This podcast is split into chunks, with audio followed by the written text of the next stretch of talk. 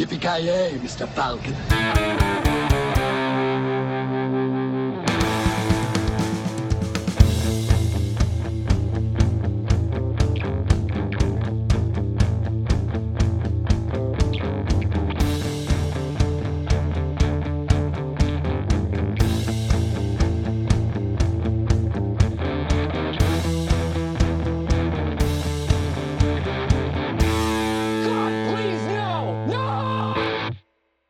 Tjena kära lyssnare! Välkomna till Filmsmakarna! Mitt namn är Joakim Granström och idag så är jag verkligen supertaggad. Jag sitter här iklädd läder och lösnaglar och väntar bara på våld för det vet vi det är det bästa som finns. I vanlig ordning har jag med mig Kent på tråden höll jag på att säga. Hur står det till Kent? Har du på dig läder den här gången också? Alltid, alltid. Varje inspelning är det läderlack och eh, vad ska man säga, kattliknande attiraljer. ja, videovåld. Ja, men, videovåld. Ja. ja men det är det, det är det man behöver. Alltså ibland så måste man verkligen dress for the occasion så att säga. Ja men så är det ju. Ja men video, är det någonting man lever för så är det ju videovåld. Så, så enkelt är det. Ja, alltså det, det är så sant som det är sagt helt enkelt.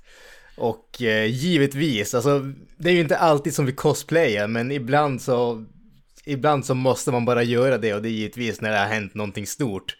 Och vi har fått en ny Batman-film och givetvis när det handlar om Läderlappen så har vi ju världens främsta Läderlappskännare med oss i podden.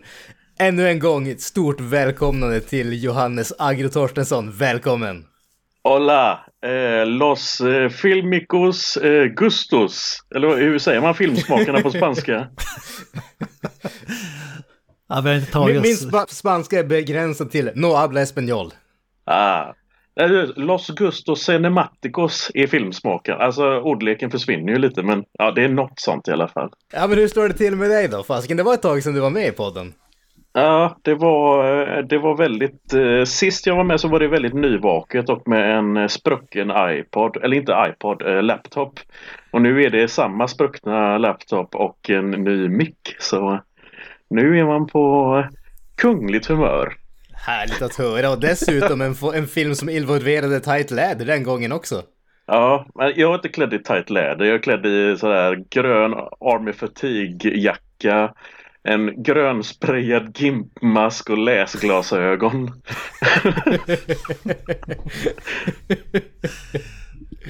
ja, du är som gjord för den här podden måste jag säga. Jajamän. Ja, speciellt gimpmasken där, alltså då vet man att då hör man hemma. Ja men som sagt, alltså det är ju året 2022 när uh, The Dark Knight Returns, så att säga. Denna gång i uh, betydligt mer läder än tidigare. Det har ju mest varit gummi. Och uh, i en gestaltning av en helt annan skådis. Vi tänkte ju köra en liten recension, det kommer inte att bli den här sedvanliga dissekeringen av filmerna som vi brukar göra i våran, eh, våra vanliga temaavsnitt om vi säger så. Men vi kommer att göra en recension, vi kommer att börja hålla det spoilerfritt givetvis så att eh, även ni som inte har sett filmen kan lyssna på det utan att oroa er. Och sen kommer vi tydligt att markera när vi går in på spoilers när vi börjar snacka fritt så att säga. Men innan vi börjar prata om nya Batman så känner vi att fasiken alltså, Agro, när vi ändå har det här än en gång så måste vi ställa dig på, eh, på stolen så att säga och grotta in oss lite grann i gamla Batman, eller rättare sagt eh, Christopher Nolans Batman. Till skillnad från resten av världen så är du ju inte världens största fan av de filmerna alltså. Jag såg eh, Dark Knight Return, eller Dark Knight Rises tio gånger på bio.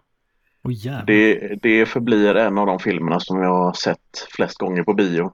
För varje gång jag såg den så hade jag med en eh, ny kompis bara för att se reaktionerna på, på hur de eh, mottog eh, de spännande plot-twisterna.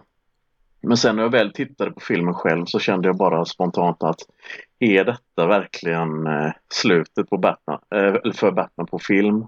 Och eh, Nej, jag började dissekera hela franchisen och jag kom fram till att det är så många grejer i de filmerna som inte stämmer med den stora Batman-loren på grund av eh, det faktum att de tar sig vissa friheter och så. Det är mycket som stämmer in, absolut. Men sen så är det ju, man kan ju nitpicka och liksom peka på den här fula strupcancer Bale-rösten Den är ju väldigt, väldigt illa. Sen hela det här eh, Jesusfieringen av Heath Ledgers Joker som är en väldigt, eh, väldigt bra, eh, som, eh, eh, ett väldigt bra framträdande men eh, det är ju lite sådär när, när en skådis dör så ska de ju hyllas till skyarna. Och det var väl så sista gången en, en död skådespelare fick ett sånt där Jesus-status som han fick och när han fick sin postyma Eh, vad heter det, Oscars vinst där och så. Nolan överlag tycker jag är en väldigt bra regissör men sen när det kommer till just den här franchisen så blir jag bara väldigt, väldigt trött. Jag, eh, jag ser mig lite som en gatekeeper på det sättet att jag vill att Batman ska vara så ren som möjligt när folk konsumerar det. Och jag tycker att det är väldigt, väldigt utspätt i stories som Dark Knight Rises. Dark Knight och Batman Begins har jag egentligen inga problem med. Det är egentligen tredje filmen. Men eh, sen så är det ju ja, men sådana saker som att det är sådana små figurer som inte existerar i övriga Batman Lauren som till exempel Rachel Dawes att hon skulle vara en anledning till att Two-Face blir Two-Face och att hennes död gör att Batman lägger av i stort sett. Sånt kan jag störa på mig ganska rejält. Det är en sån ytterst liten grej som bara jag eh, kan irritera mig på. Det, eh, det, det är väl också en sån grej med alltså både Nolan-filmerna och eh, Joker som kom för några år sedan. Att det skulle göra finkultur av fulkultur. Alltså nu tycker jag att serier, i och med att jag är serietecknare, jag tycker att det är finkultur, en väldigt underskattad berättarkonst. Men att Eh, man då ska ta de här klassiska figurerna och försöka göra någon slags psykologisk djupdykning när det redan finns stories som redan behandlar dem. Jag menar eh, den här, vad heter det nu, Penguin storyn. Det finns en solo-Penguin-serie som heter Pain and Prejudice eller ja, Pain någonting i alla fall. Som handlar om varför han blev som han blev och liksom hela hans relation till sin mor och så. De har ju tagit jättemycket av den till Joker-storyn. Men det är ingen som pratar om det. De pratar bara om det faktum att det är Scorsese, King of Comedy, Taxi Driver-köret. Så att det är alltid de cinematiska eh, förebilderna som alltid får nämnas medan man skuffar undan själva liksom, seriematerialet. Som då är liksom originalhistorierna. Det är ju, jag menar, de kommer från det mediet men det, är det anses inte vara tillräckligt bra. Det är väl någonting som visar just också att eh, den oerhört stora kreativiteten som faktiskt finns inom, inom seriemediet så att säga. Eh, därför att alltså, alla de här storiesarna och alla de här små delarna som tas till att eh, göra någonting inom den fina kulturen har ändå en förebild. Det är inte ett eh, originellt arbete om man säger så, utan de adapterar ju någonting. Eh, och mer ofta än inte så skulle jag nästan gå så långt som att säga att det är en sämre adaptation än vad originalet är. Ja men exakt. Eh, alltså jag satt idag och såg igenom hela Snyder Cut faktiskt. Det är vad jag gjort den här söndagen. Och eh, den är ju Alltså den är ju, det är ju väldigt mycket fanservice. Det är väldigt mycket eh, referenser och väldigt mycket st alltså eh, väldigt stora sjok tagna från olika stories i serievärlden då. När det kommer till Justice League, eh, Batman, Wonder Woman och så vidare. Men eh, det visar ju också att eh, det är inte jättemånga som gillar den filmen. Eh, mycket beroende på dess längd och liksom skådespelare och så hela den historien med ja, alltså hela produktionen och att det var så problematiskt och så vidare. Bildformatet, Kent. Ja, bildformatet, färgen, allt. Men det visar också, alltså, jag vill också gärna tro att det är någonting med att folk som inte gillar det, eller väldigt många som inte gillar dem, det är folk som sett eh, Nolan-filmerna. Eller som bara har en relation till Batman-filmerna via film, som inte läser. Och jag kan tycka att de, de förlorar väldigt mycket när de bara är eh, Batman eller eh, superhjältekonsumenter via filmerna. Det är ju det är samma egentligen med eh, de som tittar på Marvel eller MCU-filmerna eller X-Men och så. så jag, det, är, det är väl lite mer, jag känner mer av en sorg än, att, än den här ilskan som jag en gång i tiden kände när jag var väldigt noga med att eh, ställa folk mot väggen när jag var ute och drack och bara ah, jag gillar Batman. Okej, nämn tre filmer eller tre serietidningar då. Säg tre stycken serieskapare då. Det slutade med att jag inte fick ligga den kvällen. ja, men jag tillhör ju definitivt eh, den kategorin som in, Alltså jag har jag försökt läsa Dark Knight, det här som ska vara den bästa eh, någonsin. Men jag, jag tycker också att serietidningar kan vara serietidningar och det behöver inte nödvändigtvis göras på film på samma sätt. Alltså, jag vet, jag vet inte om ni fattar vad jag menar men... Ja, absolut. Den här, den här filmen som jag ska prata om nu har ju lite mer så, det är liksom massa exposition via nyhets... Någon som sitter och kollar på en tv-kanal till exempel, det är väl typ det jag minns från eh, Dark Knight-boken så Alltså det är kanske inte... Det, det, det slog mig först nu när du sa det, det har jag inte ens tänkt på. Det var, det var det jag tyckte var jobbigast med den boken eller tidningen, jag ska säga, att det var så sjukt mycket exposition via någon nyhetskanal, det var ju flera sidor mm. varje gång. med, ja, just det. Eh, med det, så det kommer in på sen, men så, så, jag tror att alltså man måste väl ändå bryta loss från alltså upplägget i en serietidning när man ska göra det till film. Jo men absolut, alltså, den är ju alltså, du syftar på Darknet Returns, den är från 86. Eh, media, media såg ju helt annorlunda ut då för den delen. Mm. Så man, det är ju eh, det går inte att sätta den storyn i en modern film. Jag menar i den här så går ju de här eh, gänget runt och filmar när de spör upp folk med sina iPhones. Och det var ju liksom inte teknik som eh, fanns på den tiden. Så menar, man måste ju uppdatera hela tiden. Men eh, någonting som är väldigt, väldigt typiskt är att eh, Gotham News, det är alltid med. Och eh, alltid ska förekomma som, vare sig det var förr så i de gamla tidningarna när det var tidningsuppslag som de hade. Då var det liksom eh, påhittade artiklar och så stod det om eh, rån som hade skett sådär. Så det blev exposition, det blev ett världsbyggande på den eh, på det sättet också. Men här är det mer om man tittar på den här filmen så har man ju Alltså i själva filmmediet då kan man ju använda det som, alltså bara ett svep så med kameran, visa den här eh, drophead maskotrånaren som går in där och ska råna en närbutik eller de här eh, typerna som sitter eh, där det Insane Clown Posse-gänget, Juggalos är det väl typ. som, eh, som ska, de ska ju råna någon stackare på tåget där och så där eh, klottraren och så vidare. Så jag menar, det, det är ju, det är ju ett, det är väldigt tacksammare, eller det är, väldigt, det är lättare på ett sätt mm. att uh, få till en stämning där. Men där, där har man ju också, där har man ju filmmusik. Det är ju inte, man är väldigt begränsad på det sättet som serieskapare. Yes, ja men jag tänker vi ska inte uppehålla oss allt för länge bland de, eh, de gamla Batman-filmerna utan vi tar och kastar oss in lite grann i nya som kallas kort och gott The Batman. If you are justice, not lie. What is the price for your blind eye? The hell are you supposed to be?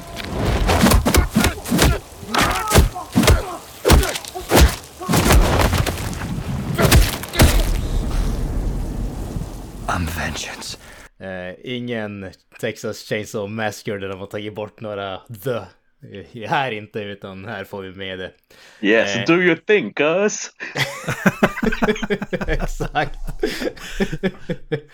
yes, ja men den här gången, eh, regisserad av Matt Reeves, för mig kanske de flesta skulle jag våga påstå, eh, känd från uppföljarna till de här uh, Planet of the Apes-filmen, alltså rebooten, de två sista filmerna där. Regisserade ju även den amerikanska remaken på Låt den rätta komma in, alltså Let Me In som den hette. Den svenska vampyrfilmen. Jag vet inte om han är... För mig känns han lite grann som en... Visst, han har gjort bra filmer, men han känns inte som ett household name direkt. Eh, han är definitivt inte någon som jag har någon djupare koll på utöver det. Sen så har vi givetvis castlisten. I vanlig ordning Bruce Wayne och eh, Batman då givetvis Robert Pattinson. Nyförvärvet eh, från, ja fasken, Twilight är det det han är mest känd för. Han har ju gjort eh, lite mer intressanta grejer nu på senare tid. Eh, Lighthouse etc. Men jag vet inte, det känns som att Twilight kommer att förfölja honom i resten av livet. Det är andra gången han spelar fladdermus ja, fan det, det har jag inte ens tänkt på, men det är ju en jävligt bra spaning. Blir Eh, han- fladdermöss i Twilight? Han blir typeca- typecastad som fladdermus i alla filmer. Det är fel. Ja. Har ni sett Good Times? Den är väldigt bra. Eller Good Time. Det är ju från, eh, eller ja, de, de som gjorde Uncut Gems. Filmen innan. Var väldigt, eh, den är riktigt, riktigt bra. Det var, jag såg den och tänkte alltså den här jäveln kommer kunna spela en bra läderlapp. Det låter ändå, låter ändå lovande. Jag har inte sett den, men eh, som sagt, alltså, han har ju definitivt visat att han eh, har range, så att säga. Vi går vidare. Zoe Kravitz dyker ju upp som Selina Kyle, a.k.a. Catwoman. Hon är ju någon som jag har oerhört dålig koll på. Bortsett från att Lady Kravitz dot- dotter så vet jag i stort sett ingenting om henne. Så att jag vet inte, är det, är det någon som ni känner åt från, eh, om man säger filmer och sånt där? Alltså, Jag har sett en del. Oj, sorry, Ja. sorry. Nej, kör, kör. Alltså jag har ju sett henne i en del. Men det är också för att jag har googlat henne väldigt mycket de senaste åren. men eh, alltså hon är ju med i, eh, hon var ju en av de där eh, maidsen i Mad Max. Det var ju en, en av de tidigaste rollerna jag kommer ihåg henne från. Men sen så hon var ju i, eh, vad heter det nu, X-Men First Class där hon spelade en väldigt otacksam roll. Mutanten Angel som hade um, trollsländervingar och kunde spotta eldbollar. Självklaraste kombinationen. Ja, eh, men eh, sen så, jag menar hon är ju också känd som, eh, hon spelar ju Catwoman i Lego Batman Movie. Eh, vilket är också väldigt, väldigt roligt eh, i och med att hon fick, alltså jag skrattade väldigt, väldigt mycket när jag såg att hon fick den officiella castingen till den här filmen. För att hon har ju i stort sett bara en replik i den filmen. Det är när alla Batman-skurkar bryter sig in i i en bankvalv eller någonting. Så är det Billy D. Williams, han som då spelade och han spelar Harvey Dent i första Tim Burton-filmen. Och han får ju spela Two-Face i den så han säger We need to get inside baby, säger han. Och då sitter hon på ett hustak med en laptop och säger Mjau, mjau, mjau, you're in, mjau, mjau, mjau. Det är det enda hon säger i den filmen. Och det räckte för att Matt Reeves skulle... ja, han bara Åh, jag måste ju ha med henne i filmen. Alltså, alltså bara när du säger bara mjau mjau mjau, jag får bara flashbacks till uh, Ian McKellen i Cats, herregud. Åh, vilken fantastisk rulle det är. Herregud. Vi har även Mr. Deeds och eh, Jesus från The Big Lebowski. John Turturro med. Oh, herregud. Det var en... eh, Alltså om man ska prata om skurkarna så. Det där var faktiskt ett väldigt bra val av uh, skurk. För han känns ju som eh, den andra stora skur- skurken i den här filmen. Eh, och det är ju en, en ganska... Det är en C-level Batman-skurk. Det är ju liksom, han dyker först upp i... eh, I Year One är det då. Vad är det Falcone heter han. Ja, precis. Och eh, då har ju han, eh, nu, ska, nu hoppar jag lite, men alltså i serien så går han runt med, han har liksom ett stort ärr i ansiktet för att kattkvinnan har ju rivit honom. Och det var just när jag såg scenen när det skedde i den här filmen, då blev jag väldigt, väldigt eh, glad. Det var en sån riktig eh, Batman-relaterad memberberry bara yes, de fick med det. Men eh, det var ett eh, det var faktiskt en av de stora överraskningarna för jag hade glömt av helt att han var castad eh, eh, till den här filmen. Jag hade ingen aning om det heller. Nej, jag hade, i, i, bortsett från eh, Robert Pattinson och Zoe Kravitz, den enda som jag egentligen hade koll på det var ju Paul Dano som eh, The Riddler. Eh, det, det var, bortsett från det så var ju typ alla andra eh, nyheter för mig, höll jag på att säga. Han, vet inte, för mig så är han väl mest känd för, eh, fasken är den heter, ja, stå stilla i huvudet There will be blood. Antar Ja. att du menar. Yes, precis. Men han är ju, han är ju en sån där som får typ bli, jag vet inte, jag tycker han verkar bli tokhyllad i alla hans filmer och sen jag typ sett noll och ingen av dem. Men eh, bara överlag så känns det som att castingen i den här filmen tycker jag är riktigt bra faktiskt. Sen så känns det som att den andra som man måste nämna och måste jag säga nästan min favorit faktiskt, det är ju Colin Farrell som eh, Penguin eller eh, Oswald Cobblepot. Jag tyckte han var riktigt jävla underhållande att se i den här filmen alltså. För mig så är han en liten uh, scene stealer. alltså han var ju en stealer så länge han inte körde sin Robert De Niro-imitation. Ja, det blev lite för mycket där ett tag. Det var så out of here! Okej, okay, ska du luta huvudet också? Eller och sen ska du stå och prata med spegeln också? Ja, alltså du, du sa att castingen var bra, men det ifrågasätter jag starkt. För sista namnet vi tar upp här är Andy Serkis, som är bedrövlig casting tycker jag. Fan vilken waste det var. Det var faktiskt en jävla... Alltså det är samma som när han dök upp i, det är ju den där Nolan-filmen Prestige. Han spelar någon betjänt till eh, Nikola Tesla. Och han dyker bara upp, han öppnar dörren för eh, eh, det är väl Christian Bales karaktär där och så är det ja vad gör du här? Ja, jag ska träffa Tesla. Ja gå in då. Och så sitter Tesla där.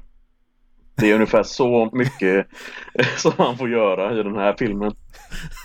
Nej, jag har inga problem med den castingen överhuvudtaget egentligen. Ja, det, är, det, det, kan, det, man kan protestera mot är att han inte får någonting att göra. Ja, han, ser, han, ser lite ledsen ut.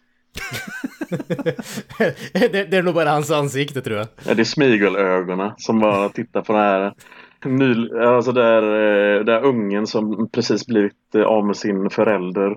Och så bara, åh, nu får jag en Vietnam-flashback. Eller inte Vietnam-flashback. Britterna var inte ens med i Vietnam. Skit i det, jag tar tillbaks det. yes, men eh, som sagt, jag vet inte, ska vi dra... Jag kan ju dra storyn väldigt övergripande och eh, ospoilerigt så att säga. Eh, och egentligen bara säga att eh, det är en galning som kallar sig själv The Riddler som börjar döda människor och de här människorna visar sig kopplingar till Gothams eh, högsta politiker och den kriminella undervärlden ungefär. Och för att få reda på vem The Riddler är så måste Batman undersöka kopplingarna som alla de här olika människorna har och så får vi ett ett nätverk med eh, fler och fler innystade. Jag vet inte, ska man gå in och mer på äh, det handlingen? Så. Det känns som att det blir väldigt snabbt spoilers på den. Biten. En minut kvar. Två minuter och 30 sekunder kvar. Det. ja. Nej men det, räcker, det räcker väl så tycker jag. Absolut, för den spoilerfria delen i alla fall. Spoilerfritt lite kort då, vi, vi kör lite mer utförligt i spoilerdelen. Men eh, vad, vad säger du Agro? Ställ den nu mot Christopher Nolans eh, Dark Knight-filmer så här något dygn efter du har sett den här filmen. Eh, jag vet inte om jag ska ställa den mot... Jag kan ställa den mot en annan film istället. Eh, har ni sett David Finchers Seven? Va? Ja. Nej, jag har aldrig hört talas om den. Nej, det är en liten obskyr film som försvann från radarn ganska snabbt. Ja. Den släpptes 1995. Uh, nej men uh, det är ju alltså, som sagt, uh, min stora kritik mot Joker var ju att jag kallar den för Martin Scorsese karaoke. Och den här filmen är ju David Fincher karaoke i stort sett. Ja. Så, så, och alltså jag, är också, jag hade ju också någon formulering där det var i stort sett det här är ifall eh, Christopher Nolan hade försökt att eh, rekonstruera Batman Returns. För att den har väldigt många eh, beröringspunkter både liksom inom franchisen och eh, eh his, alltså, dramaturgimässigt. Så, men alltså det, jag har väldigt svårt att se att det är, den är, inte, den är Nolan men den är ändå inte Nolan om man säger så. Den är inte sådär bombastisk på ett sätt. Alltså, nej, den är inte ett spektakel på samma sätt. Där. Nej. Det är väl just då tredje akten där som när jag trodde att filmen var slut och det helt plötsligt blev en helt annan del i slutet där. Då kände jag att det var lite Nolan-vibbar där i alla fall från det här. Det här känns som någonting som Bale Batman och hans strupcancer hade kunnat eh, eh, un, eh, komma till undsättning med den här fula jävla det här fula planet. Han som ser ut som tre glasskartonger eller vad fan nu är Morgan Freeman. Hur fan bygger du plan? Eh, om jag ska jämföra den med Nolan så alltså det känns ju som att det är en spiritual sequel men eh, samtidigt så är det det är inte riktigt där. Alltså, den, går, den, eh, den tar ju upp ångest och existentialism på ett helt annat sätt. Här är ju, alltså till skillnad från i eh, de filmerna så är ju Batman han är ju liksom fullfjädrad i stort sett och eh, väldigt, väldigt overpowered vilket också har gjort att han blivit så populär. Jag gillar ju att han faktiskt är lite mer amatörmässig. Det här är ju andra året där han är igång. Och jag menar, det är ju känt att eh, Batman dyker upp från ingenstans och slår till mot kriminella. Här är det ju mer som att han har någon slags WWE-introduktion när han kommer gåendes direkt från mörkret och så. Ja, precis. Direkt från mörkret och så lyser vi upp och så kliver han in utan någon effekt alls. Uh, men, uh, ja, alltså och det, jag gillade just med att med den här läderlappen då, att han han hade sådana skavanker. Han var inte, han var inte särskilt slipad. Det, och det, det var ju det som jag gillade med Batman Begins med att hela den filmen är ju som ett långt montage med massa flashbacks då när han eh, då har den här ilskan som han måste förvalta och liksom så att han ska bli en, eh, en symbol för rädsla. Eh, eller för, för rädsla då i den kriminella undervärlden i Gotham. Och här är det ju mer som att här är han ju ett obehagligt väsen. Men man ser de här små grejerna som till exempel när han springer upp där och måste fly via luftväg om man säger så. Han faktiskt blir caught off guard och bara jävlar nu är jag långt uppe i luften. Hur ska jag göra nu? Man bara hör det, det snabba andetaget med att han blir chockad i stort sett.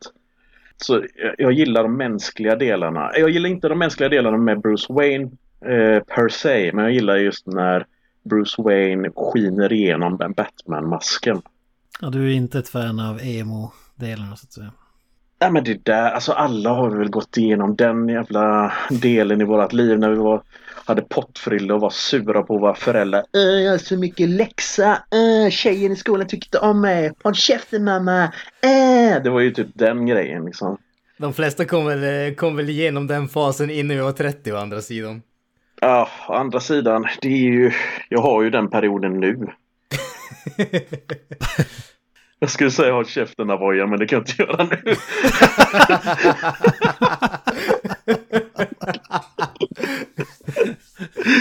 Shoutout till Avoya. Ja men du Kent då, vad, vad tyckte du? Du lät ju som att du hade lite hårdare ord om filmen. Ja, ah, hårda, hårda, men för mig handlar ju den här, hamnar den här filmen i facket som vi brukar kalla för solitt hantverk. Det, det, är bra gjort eh, och så vidare men det är tråkigt som fan enligt mig. Det, det var som att lyssna på en eh, ljudbok eh, långa stunder. Det, får, det är ni hör Alltså folk typ hårdviskar en hel film. Konstant. Hårdviskar? Jag visste inte ens att det var en grej. ja, men det, är så... det, det är ett perfekt uttryck för, för vad de gör. De viskar, de pratar som att de viskar med kraft.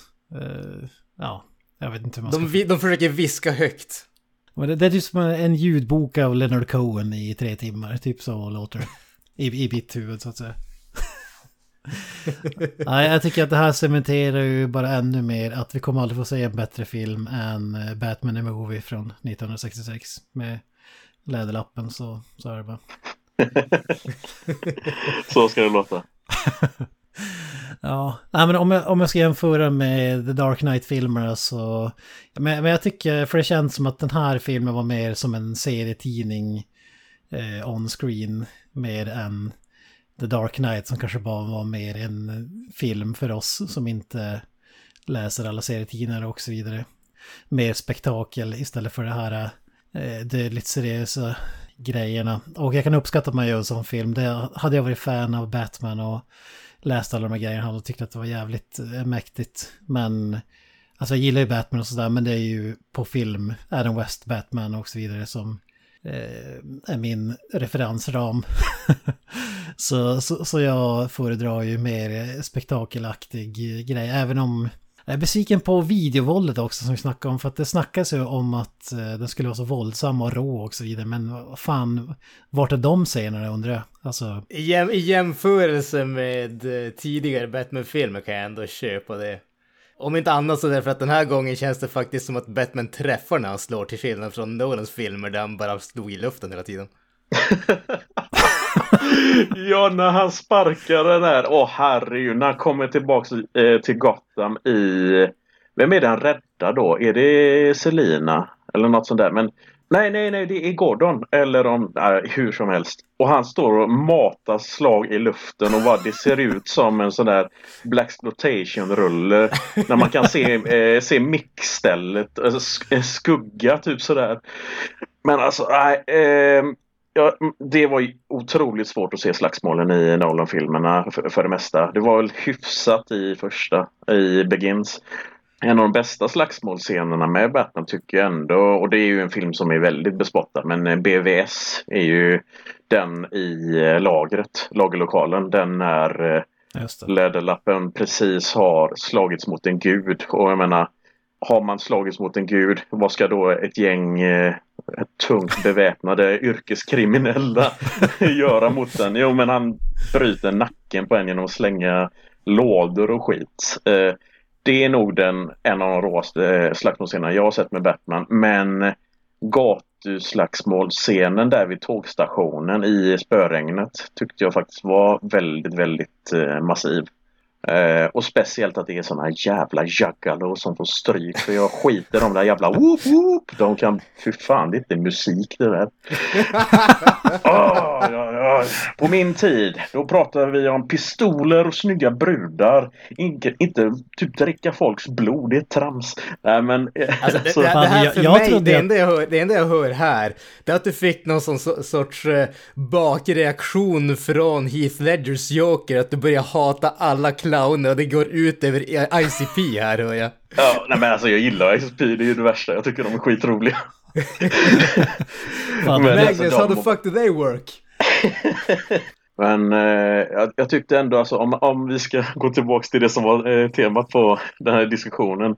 Eh, slagsmålen och så. Alltså, jag tycker att den är väldigt, väldigt eh, rå. Eh, inledningsscenen. Sen så var det ju lite sådär med jag brukar alltid kolla på hur Batman slåss mot goons och det var inte mycket motstånd. Exakt. De kan Där, den första misshandel, den håller jag med om. Den var ju, men det känns som att den var bara gjord för trailern och ska man tro att det är så hela filmen. Den, den är jag nöjd med. Men efter det får vi i princip ingenting mm. som är av värde i alla fall. Men om jag bara ska stänga min del så tycker jag att den var alldeles för lång och eh, jag var uttråkad stora delar av filmen och det var jag inte under eh, Batman och Robin ens. Så det säger väl någonting. Ingen är uttråkad under Batman och Robin. Och, och, nej, exakt, det var precis det jag skulle säga. Det går inte att vara uttråkad i Batman och Robin. Man, man, kan absolut tycka att det är en skitfilm, för det är det, men ingen är uttråkad i den. Nej, för lite Arnold också. eh, vad, vad, säger du Granström? Ja, men alltså jag, jag, tyckte om den här filmen. Eh, jag tycker inte att det är en mästerverk. Det, det som jag känner, jag är lite så kluven på något konstigt sätt, därför att jag tyckte att många av delarna tyckte jag om nästan mer än filmen som helhet. Jag tycker om, jag tycker väldigt mycket om att vi faktiskt äntligen får en Batman som är en detektiv. Mm. Eh, de, de kallar honom World's Greatest Detective och det tog typ 17 filmer innan vi fick se honom göra något detektivarbete. En, en eh, kort så... Eh, inflik där. Han är ju World's Worst Detective i den här filmen. Behöver inte säga mer än så. För, för nej, men, nej, men han är ju bara lite dålig på språket. La, la, la Naranja diskoteka eller vad han nu ville ha sagt. Jag vet inte. Donde ställa diskoteka? Jajamän. Si signora. Nej men alltså som sagt, jag, jag, tycker om eh, vissa delar mer än uh, helheten som, som så. Än en gång, jag tycker, kommer tillbaka till våldet, jag tyckte faktiskt om det. Jag tycker att det är överlag väl koreograferat och välfilmat. Filmen är väldigt snygg. Det, det känns ju som att här har ju Gotham lite grann av en egen identitet. Alltså just den här mörka, dystra skitstaden som eh, vi till viss del fick i, definitivt fick i eh, vad heter han, Tim Burtons tidiga Batman-filmer och sen vart det typ neongrej av Joel Schumachers filmer och sen vart det generic storstad i Christopher Nolan. Så jag, jag är glad att vi är tillbaka till att ge eh, ge staden någonting som kan liknas vid en identitet i sig. Sen så, alltså när det kommer till skådespelarprestationer och sånt där, jag tycker det är bra överlag. Jag, jag kan inte säga, så det är inte en film det är direkt blown away av någonting, men samtidigt kan jag inte säga att det är någonting som jag tycker är dåligt, utan allting är bra eller mycket bra, men samtidigt så tycker jag att, alltså som du säger Kent, den är alldeles för lång. Jag tycker att avslutningen på filmen är ganska så svag och sånt där. Eh, för mig så tycker jag nästan att höjdpunkterna det är fram till två timmars sträcket ungefär. Och sen har vi en timme kvar av filmen som bara känns utdragen. Mm. Eh, så att, alltså det, för mig så är det definitivt en film som är värd att se, men jag vet inte, alltså alla som jag tycker man har sett eh, stora hyllningskörerna som varit framme för den här filmen och jag känner inte att det är riktigt eh, överens med vad jag tycker i alla fall. Men så är det mm. överlag med Batman. Det är också att Eh, jag, jag, såg vad hyllningskörerna sa och det var nu när vi matas med så mycket popcornfilmer av Marvel så kommer DC tillbaka med film. Men uh, det är fortfarande någon jävla, en jävla kapitalist som springer runt med fladdermusdräkt och spör upp psykiskt sjuka, vilket är alltid den här diskursen som man får höra av kritiker till serietidningar överlag. Vad tycker ni om att det här är den tredje och sista delen i Batman X Street Fighter-trilogin? Oh, nu är jag inte med. Eh, eh, Chip, eh, vad heter han nu? Chip Shrek spelades av Andrew Bryniarski ja, ja, i Batman Returns. Och i Bat eh, Batman and Robin, vem hade vi med då? Peter Navitorius också på. Jajamän. Och vem har vi med i denna filmen? Ingen jävla aning. Stuntkoordinatorn Darko Tusken. Fy fan okay. Som, som hade, var stuntman i Street Fighter-filmen. Ja, då, då, då, då, tar jag bara tillbaka min kritik från fighting-scenen. De var ju magiska. 10 av 10. du kommer full circle här. Det är så det ska vara. Det var verkligen den enda jag hittade som hade eh, den filmen gemensamt med, med hela castinglistan. Eller hela filmlistan här. Ja, jag hoppas på en eh, CGI Jeeps Swanson. Eller Swanson eller vad fan den hette. Monkey work! ja men vi stänger väl spoilerfria sektionen och hoppar in i spoilers tycker jag, eller vad säger du? Det kan vi göra. Som sagt, det blir spoilers framöver. Har ni inte sett filmen eller om ni helt enkelt inte bryr er om att eh, vi spoilar den filmen så fortsätt lyssna för er andra kolla på filmen och sen återkom till, eh, till den här delen av podcasten helt enkelt. Och så kör vi fullständiga spoilers helt enkelt. Spoiler alert! Spoiler alert! Spoiler alert! Ja men du, Kent, jag kastar över bollen till dig igen. Mm. Spoila skiten i den här saken. Ja, men jag, jag vill börja med två saker bara. Jag tycker att vi har kommit till den punkten, vi har sett det för många gånger och det funkar inte. Catwoman måste ju bort från universumet. Det, det går inte att ha en seriös... Alltså, det är nog mycket att köpa att en man går runt i fladdermuskostym och ska försöka ta sig in på klubbar och så vidare. Det, det, det, det, köper man till en viss gräns, men att det dessutom finns en till person som klär sig som en katt och hoppar runt och Alltså det, det, är, det är samma i Nolan-filmer också tror jag. Det, det, vi måste stryka den karaktären. Alltså jag, jag är beredd på att hålla med där. Alltså jag gillar Catwoman-karaktären väldigt, väldigt mycket. Just att det är en mästertjuv som använder sin, eh, sina female eh, manners och sina battling eyebrows och så vidare. Men hon var faktiskt väldigt, väldigt dåligt skriven i den här filmen. Och jag menar plot-twisten som kom, det kanske kom som en plot-twist för folk som inte läser serien men jag, jag visste att det skulle komma någonting. Det, så fort uh, Falcone nämndes då visste jag att de måste ta upp uh, hela föräldradelen och så. Alltså jag hade ingen aning om allt det där och för mig var det bara en axelriktning. Alltså det känns som, mm. men det är väl kanske mer ett upplägg för någon spin-off-serie eller uppföljare eller någonting. Mer än att det skulle ge en, det var inte den här gasp-ögonblicket direkt. var det något gaspögonblick? Eh, eh jag kände ju knappt någon gasp. Alltså det eh. måste jag säga, det, det, och jag vet om vi tänker på samma sak, det finns inte en minnesvärd scen egentligen. Alltså det finns ingen sån här, alltså Nolan är mer spektakel och det, det är ju vad det är. Men det, jag tycker ändå inte att det finns någon scen som var så här wow. Alltså den, jag tycker filmen överlag är alldeles för slätstruken. Den håller sam, den har inga superdjupa dalar heller men inga toppar. Alltså, jag, jag vet inte. Det känns som att det bara var samma läge hela tiden. Ingenting speciellt. Inte ens den här biljakten som alla snackade om. Jag tyckte den var urtråkig. Ja, alltså. faktiskt. Det är alltså biljakten. Hade de inte tagit med det faktum att, han, att eh, bilen hoppar igenom elden i trailern då hade det kanske varit lite av en mer lite av en mer wow, liksom mer wow-faktor men man har ju sett så mycket av det så jag menar det är, man ska Ja. inte se trailers överlag. Jag, jag, tyckte, jag tyckte ju att biljakten var riktigt bra även om jag tyckte att den var för lång. Men jag, jag hade ju missat, jag hade inte sett, jag hade ju bara sett den första trailern så jag hade ju inte sett någonting annat. Så jag tyckte Ja, definitivt att den där eh, bilen hoppar genom elden grejen var jävligt badass måste jag säga. Ja, men du, Sen bara men på, på tal om bilen där måste jag säga, en sak som den här filmen faktiskt lyckades jävligt bra med, det var ju ljuddesignen. Mm, Eh, jag tyckte alltså filmen lät för jävla bra. absolut. Det håller jag faktiskt med om. Eh, Det var ju mycket med, alltså när jag såg de första bilderna på bilen tänkte jag Men vad fan, så kan det inte se ut. Det ska ju vara, jag är ju van, alltså nu är man ju Nu måste jag alla bortskämd med Anton Furst, Batmobilen eller den från 66 eller till och med den här stora klossen från eh, Nolan-filmerna som, var det Noah. Crawley? Tumblr hette den till och med. jag tycker om den, jag Ja, älskar men den, den. är ju rolig, den är ju rolig liksom. Men eh, den är rolig. Ja, eh, nej men det, det är som, visst, kan du ha tre skolorder eh, med hjul så är det ju skitbra. Det ser ut som någonting som Kanye West använder i sin, i sin farm där ute när han står och spelar dum i huvudet.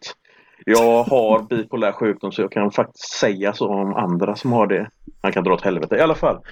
Eh, den här bilen var ju den här bilen var ju väldigt sådär Jag läste att det skulle vara sådär baserat på Denny O'Neill och Neil Adams eh, mer liksom vanliga eh, bil, eh, Batmobil från 70-talet. Men eh, jag vill faktiskt slå ett slag för Greg Capullo som eh, han var ju han var ju först och främst känd för att han tecknade eh, Spawn med eh, eh McFarlane, Todd McFarlane på 90-talet. Och sen så gjorde han det där konomslaget med de där barnen som hoppar, eh, vad, fan heter det nu? Freak on the leash. Ja exakt, Freak on the Leash och den videon och så. Men sen så började han rita Batman med eh, Scott Snyder och de gjorde det här Death of the Family och Court of Owls 2012 och framåt. Och det finns en serie som heter Zero Year som då är som absolut första månaden när eh, Batman blir Batman eller Bruce Wayne tar på sig manteln och så. Och då har han liksom en muscle car som sin första Batmobil. Och jag, jag blev väldigt, väldigt glad över att när den förde sånt jävla oväsen med att det ser ut som en vanlig sån muscle car men den låter ju som ett jävla monster. Och det kändes så jävla speciellt för att eh, det var ju lite som, vad ska man säga, Batman Forever-bilen med de här lju- ljusen och så med att okej, det är något läskigt under motorn och ja, jag, jag, blev, jag lät mig faktiskt imponeras av den och ta det från en person som inte ens har körkort. Det var, det var faktiskt häftigt att se en bil bete sig så. Ja men, tänkte att vi måste ju snacka om eh, The Riddler i den här filmen. Eh, vi får ju en helt annan version av The Riddler än vi har fått tidigare. Ingenting eh, att göra med Jim Carreys Riddler från Batman Forever eller någonting sånt, utan verkligen en helt annan typ av karaktär. Eh, och de- den här karaktären tycker jag är, börjar riktigt, riktigt bra och slutar riktigt, riktigt svagt, måste man säga. Det kan vi alla relatera till när vi efter 35. ja, de, de flesta av oss har inte ens lyxen med att det tar tre timmar dessutom. Alltså, jag, alltså det, det, jag håller faktiskt med. Eh, sen så vi har ju varit inne lite på den här kritiken angående att det är inget unikt med den här filmen och det är ju just det här med David Fincher och så. Just med att det är väldigt mycket lånat från Seven men här blir det väldigt tydligt att det är Zodiac. Alltså designen på Ridleys dräkt är väl till och med från Zodiac Killer.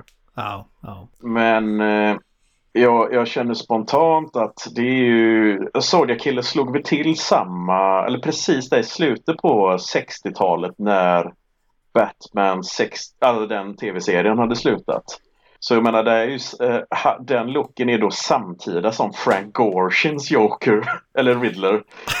Så jag menar, det är som att det är den enda beröringspunkten kan jag tycka. Eh, det finns väldigt många bra Riddlers där ute. Jim Carrey är ju en men eh, sen eh, DC-favoriten John Glover hade ju rösten för honom i Batman The Animated Series.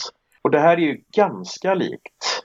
Men det är ju, det är ju mer som att det är det här störiga incelkillen som eh, vill vara Dungeon Master i Dungeons and Dragons och så börjar han gnälla där i slutet. Nej, så skulle det inte alls sluta! Äh! Så han blir ju sådär, han blir den motstridiga tonåringen där. Och så har han dålig hy också. Så jag menar det är mycket, det är mycket som talar emot att han skulle vara en sån där, eh, en fruktansvärd ärkefiende. Jag gillar det faktum att eh, det här är väl den enda Batman-filmen där eh, själva hjälten, Läderlappen då, inte få sina nävar eller runt eh, skurkens hals eller få klappa till honom. Han, han får inte nuddat honom en enda gång. Vilket är lite ja, speciellt. Vi får, ju, vi får ju världens tråkigaste substitut där istället. Ja, får, får slå cosplayarna istället. Ja, exakt. Alltså det, det, som jag kände med den här uh, versionen av uh, Riddler. Det var, alltså, jag, jag, tyckte verkligen att det var det som jag verkligen tyckte om, precis som du säger. Uh, det var ju att det var ju en skurk, det var en skurk som faktiskt försökte göra någonting. Det, det, var inte bara den här jag ska ta över staden för att liksom ha makt ungefär, utan han försökte faktiskt göra någonting. Men sam, och, samtidigt har vi sett det där i alla Marvel-filmer som finns också. Alltså, man, man, enda lösningen är att radera allt, alla invånare, det är så vi får ett bra samhälle. Typ. Alltså, hur många filmer har vi inte fått det? Ja men, det, så, är, ja, men så är det ju med, allt, med alla saker. Men, men det jag tycker om här, det är att de kördes verkligen stenhårt på den där biten. Fram till slutet där de var tvungna att göra den där jäkla incel-grejen. Som egentligen förstörde allting som de hade byggt upp innan dess. Och jag måste säga att en av de grejerna som jag nästan tyckte mest om med den här filmen, det var just den där att han får inte händerna runt eh, Riddlers hals i slutet.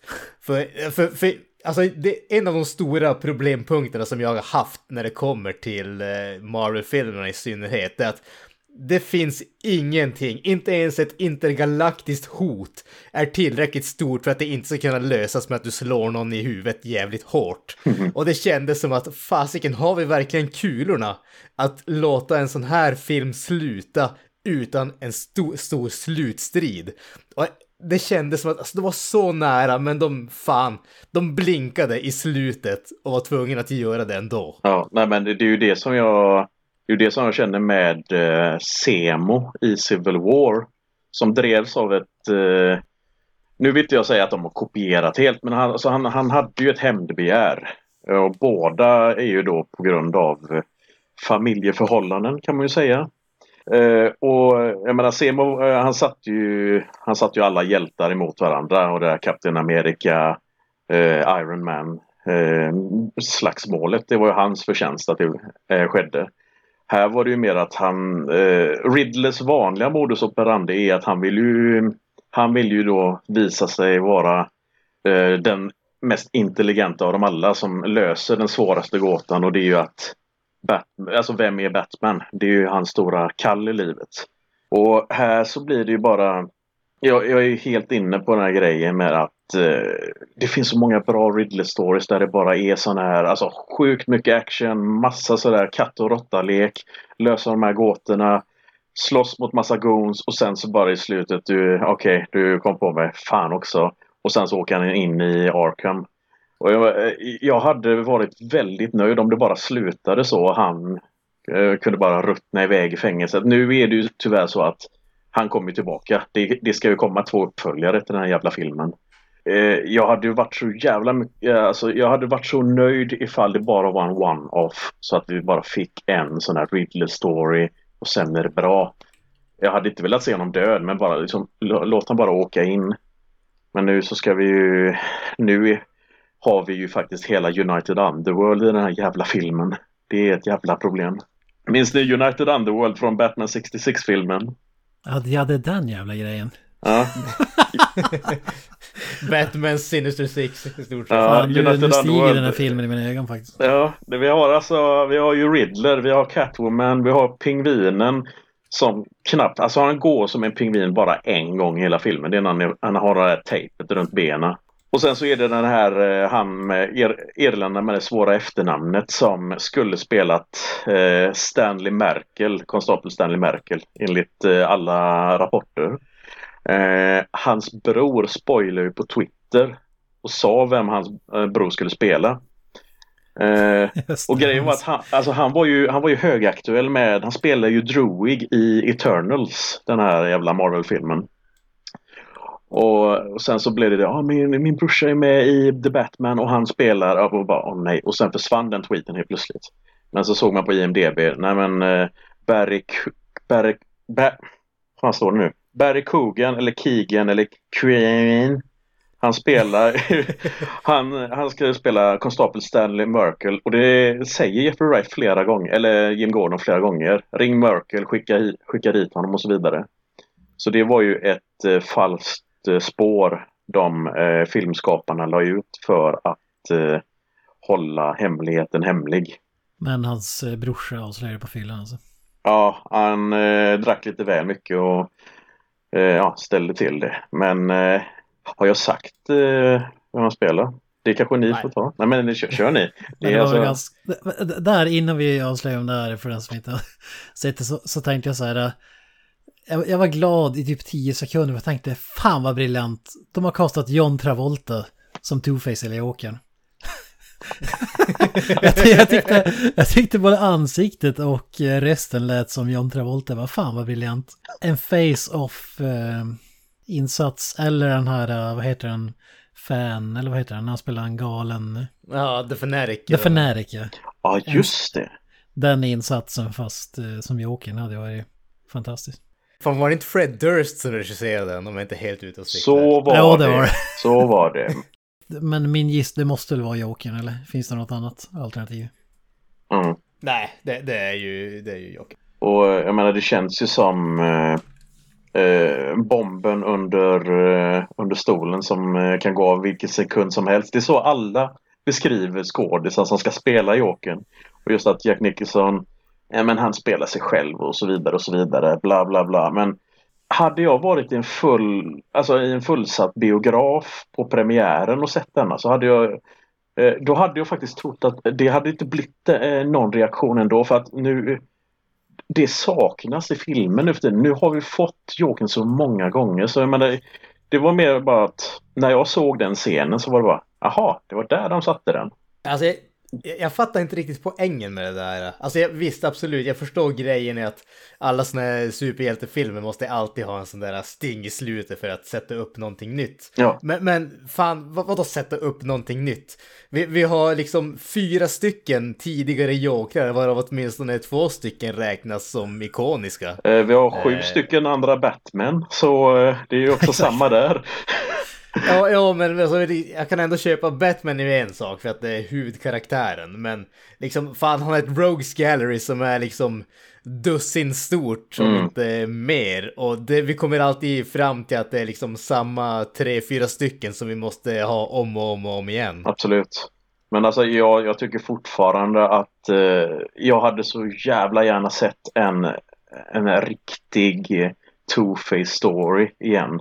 Alltså bara liksom en story där man får se Two-Face som skurken. Inte alls som Tommy Lee Jones eller Aaron Eckhart.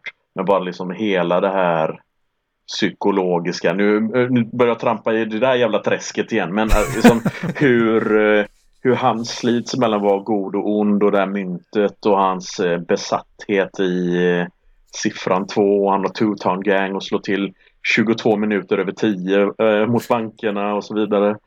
Det, Eh, det låter som att du vill ha Joker fast med uh, Two-Face, helt enkelt. Det var faktiskt det första jag sa när filmen eh, annonserades.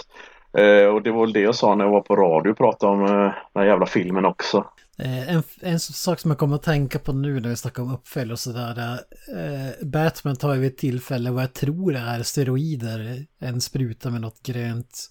Mm. Kommer Batman förvandlas till Jeep Swanson in real life? Ja, det var, de, det var den jag ville höra. Det var faktiskt det jag ville höra. Jag förutsätter att det var Venom som han injicerade sig med.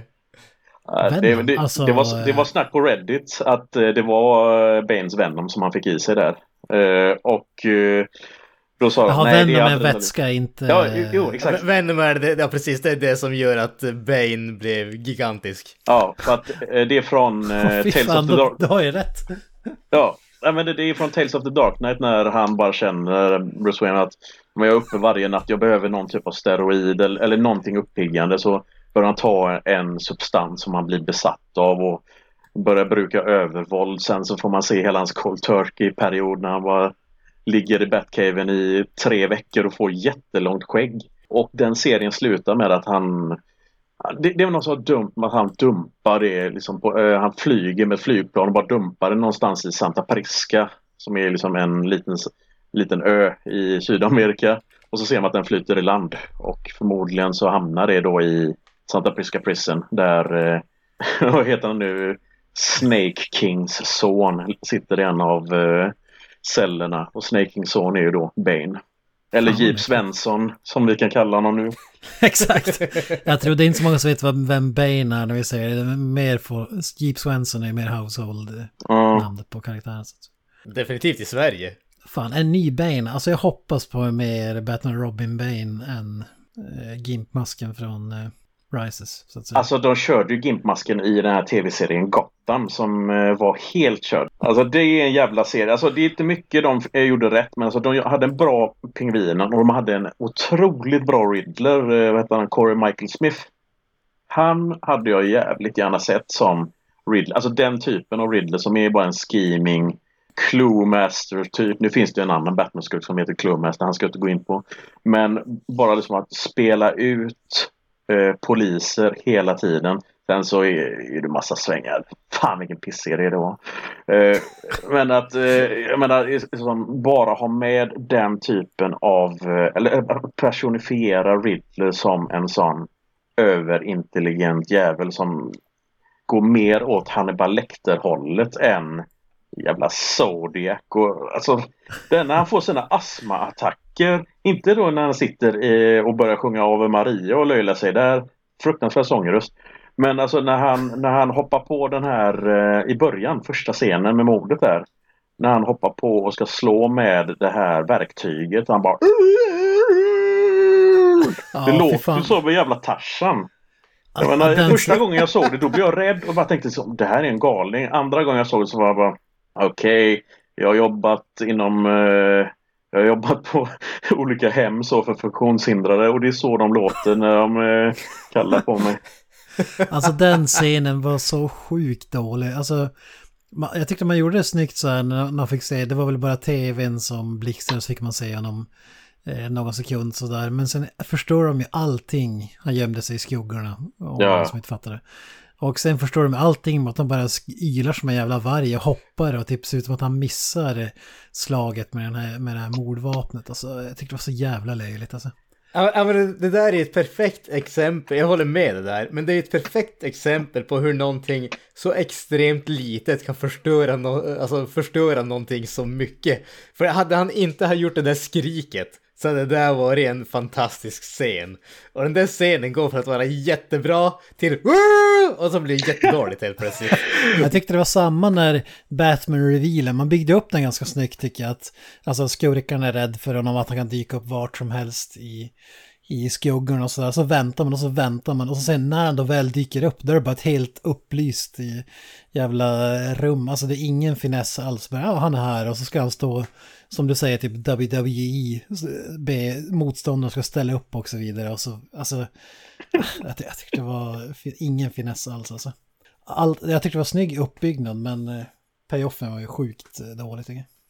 Ska jag säga någonting som jag gillar med den här filmen? Alltså av alla, eh, jag har varit inne lite på birollen och så, men alltså jag uppskattar verkligen Jeffrey Wright som skådis och jag vet att det var en hel del som gnällde över att det skulle vara en afroamerikansk eh, Commissioner Gordon. Eh, jag kan inte eh, erinra mig senast han var dålig i en film. Jag tycker att han bara är bra. Och det var någonting med samspelet mellan han och Batman när de skulle leta efter ledtrådar. Det var ju lite så med den här thumb drive-scenen. Som var, alltså det var ju lite It happened at sea, sea for Catwoman och så vidare. Men det var ju bara som att de, de playade av det som Fy fan vilket, vilket dålig, vilken dålig jävla vits. Och det, jag, jag tyckte det var väldigt bra. Det var väldigt, väldigt väl framfört. Jag tycker att han var väldigt alltså, jag, jag, jag tycker han, han skötte sig väldigt bra och jag ser fram emot eh, hur det nu blir med HBO-serien eh, GCPD som ska vara i det här universumet. Om han kommer få en framträdande roll där. Det blir intressant att se. Jag, jag tyckte också att han var eh, riktigt, riktigt bra. Men det känns ju också som att det här är ju i stort sett första gången som Gordon, vad får jag säga, Commissioner Gordon, men inte Commissioner här. Eh, men det är som första gången där han faktiskt gör någonting om man säger så. Ja. Visst, Dark, Dark Knight Rises, men de andra filmerna så har han ju mer varit där för att vara där, för att han är en karaktär, men han gör ju som aldrig någonting speciellt. Fast jag tycker, Här alltså så- han, han är ju ändå, han är ju väldigt aktiv i eh, Dark Knight ändå, där när de kör den här gemensamma Dels är det de tre, han och eh, Harvey och Batman som har eh, sin lilla deal. Och alltid liksom, eh, de, de planerar saker ihop och sen det här med att han klär sig i SWAT-dräkten och så.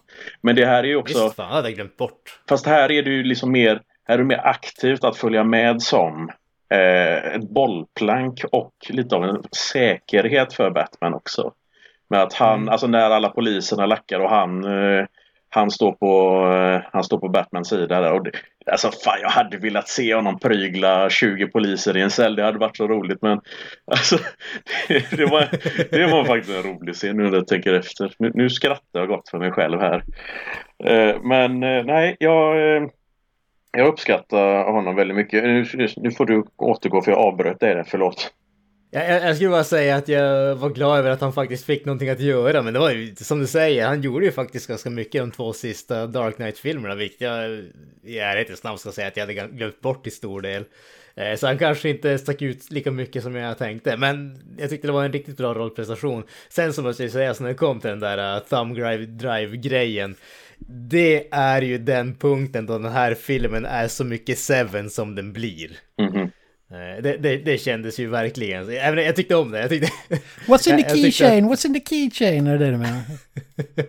ja men precis. Jag tyckte det var kul, men det, det var ju, vad heter det, men, men det var ju verkligen, alltså då, då kände jag att okej, nu, nu försöker ni verkligen göra en rip av eh, Seven, inte bara inspirerade av den, nu vill ni verkligen vara Seven också. Misslyckas fatalt. Men eh, kan vi prata lite om att Batman inte... Alltså, alltså det som man kallar investigation, han, han gör ingen, han, han löser förvisso en massa gåtor tills han snubblar på eh, spanska lektionen som han har missat. Eh, och, och sen, han hade ju aldrig tagit The Riddler om inte han hade lämnat det över sig själv. måste, måste ändå vara ett gigantiskt fiasko.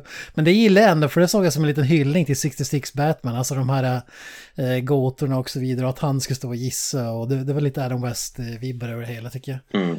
Men, men han, alltså han löser ju egentligen ingenting. Han, han fuckar ju istället upp eh, allting. Det visar sig även i slutändan och eh, det är väl oklart om Riddler kanske till och med vann i, till slut. Det som är grejen där, det är väl att eh, fram, fram till slutet så gick ju allting enligt Riddlers plan och till viss del så vart det väl, det var ju bara de där snubbarna som de andra Riddlersarna, vad man ska kalla det, skolskyttarna, eh, som egentligen inte gick enligt Riddlers plan. Så jag skulle nästan gå så långt som att säga att ja, han vann faktiskt. Jag håller faktiskt med där. Det är... Eh, ingen kan överlista det här Battinson. Nej men eh, för för att det känns ju... Det tyckte jag var en stor triumf med att han faktiskt... Eh, han plockade Riddler. Sen så blev det... Det var ju, det var ju stundtals då till exempel att eh, när eh, råttan blev skjuten under eh, lampan. Den var ju så jävla långsökt den. Bara, Okej, så han skulle stå under det lyset då och bli skjuten från det fönstret när det inte ens pratats om innan att okej, Så han har fotograferat allting från det fönstret. Man skulle ju faktiskt kunna undersöka vilken vinkel bilderna från eh, eh, den här klubben togs och så vidare. Men alltså jag tycker att det var, ju, eh, det var mycket bra exekuterat av eh, Läderlappen i denna film. Fan, jag säger Läderlappen i alla fall. Ja, men det är det korrekta benämningen. men alltså han var ju mycket bättre. Han, han, eh, han var ju mycket mer slipad gåtlösare än Val Kilmer. Mycket för att jag menar det var ju, han fick ju siffror och några gåtor i Batman Forever. Här var det ju de här skitsvåra fornnordiska skiffrorna eller vad fan det nu var. Det var ju språk som jag inte stod i alla fall. Ungefär som svenska. Men... Eh... Det där var också bara en för att klämma in någon rip-off av Zodiac Killer. Alltså mm, det, det fyller ju ingen funktion egentligen. Ja men det fyller ju funktion att det är ju ett skiffer. Hallå! Ja. Fast det, det, är ingen, det är ingen originalidé men det är ändå okej. Okay.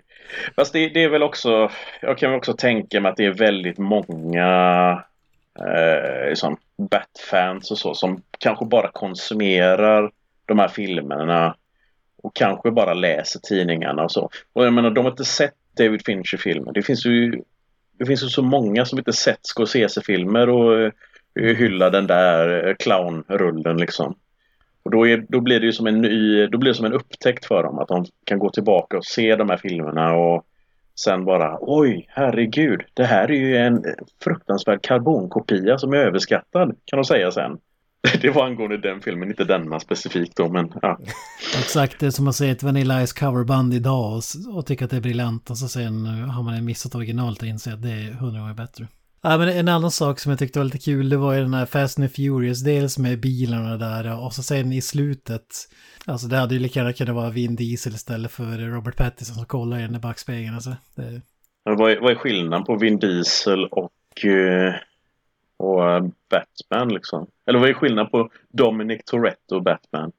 Det är att Batman har ingen family.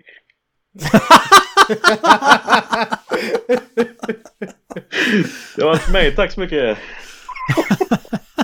ja, på tal om det är eh, kär, den krystade kärlekshistorien i den här filmen också. Åh, oh, fy fan. Ja, det gillade inte jag. Alltså, eh, jag, jag tycker om samspelet mellan Batman och Catwoman för att det, det är en av de här omöjliga Romeo och Julia roman Alltså det är en sån trope med att de är på varsin sida av, av vad fan som helst och det, det kommer från Tristan och Isolde och sen Romeo och Julia och så vidare och så vidare. Men... Eh, låt oss vara ärliga å andra sidan att säga att enda orsaken till att de är på olika sidor är att en är kriminell och den andra är inte kriminell. Ja. Som att det skulle vara ett stort jävla problem att lösa. Det är inte direkt så att de har två familjer som krigar mot varandra. Jo men kolla, ja, men på, en... kolla på Arnold och Maria Shriver. De var ju...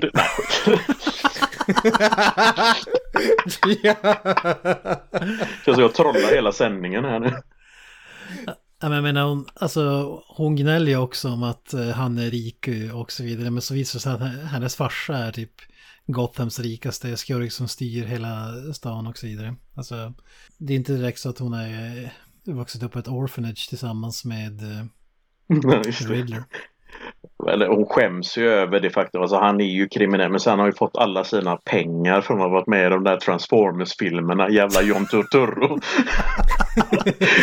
Fan, alltså du tyckte att han var bra men jag tyckte han förstörde filmen faktiskt. Jag, jag, jag säger bara Mr. Deeds. Eh, eller eh, Jesus när jag säger honom alltså.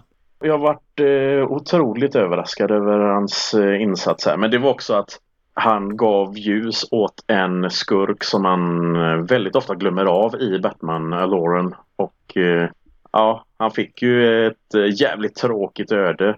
Vi måste ju nämna Andy Serkis också som jag tycker är bedrövlig. Alltså jag tycker inte om honom när han inte är en CGI-figur. Det, det, är bara så. Men... Jag vet inte riktigt vad du har emot honom. Ja, han är så dålig skådespelare. Alltså scenen där när han ligger med bandagen till huvudet ser ut som Nils Karlsson Pyssling eller någonting och ska, ska, ska börja bjabba om det jävla mordet där hans.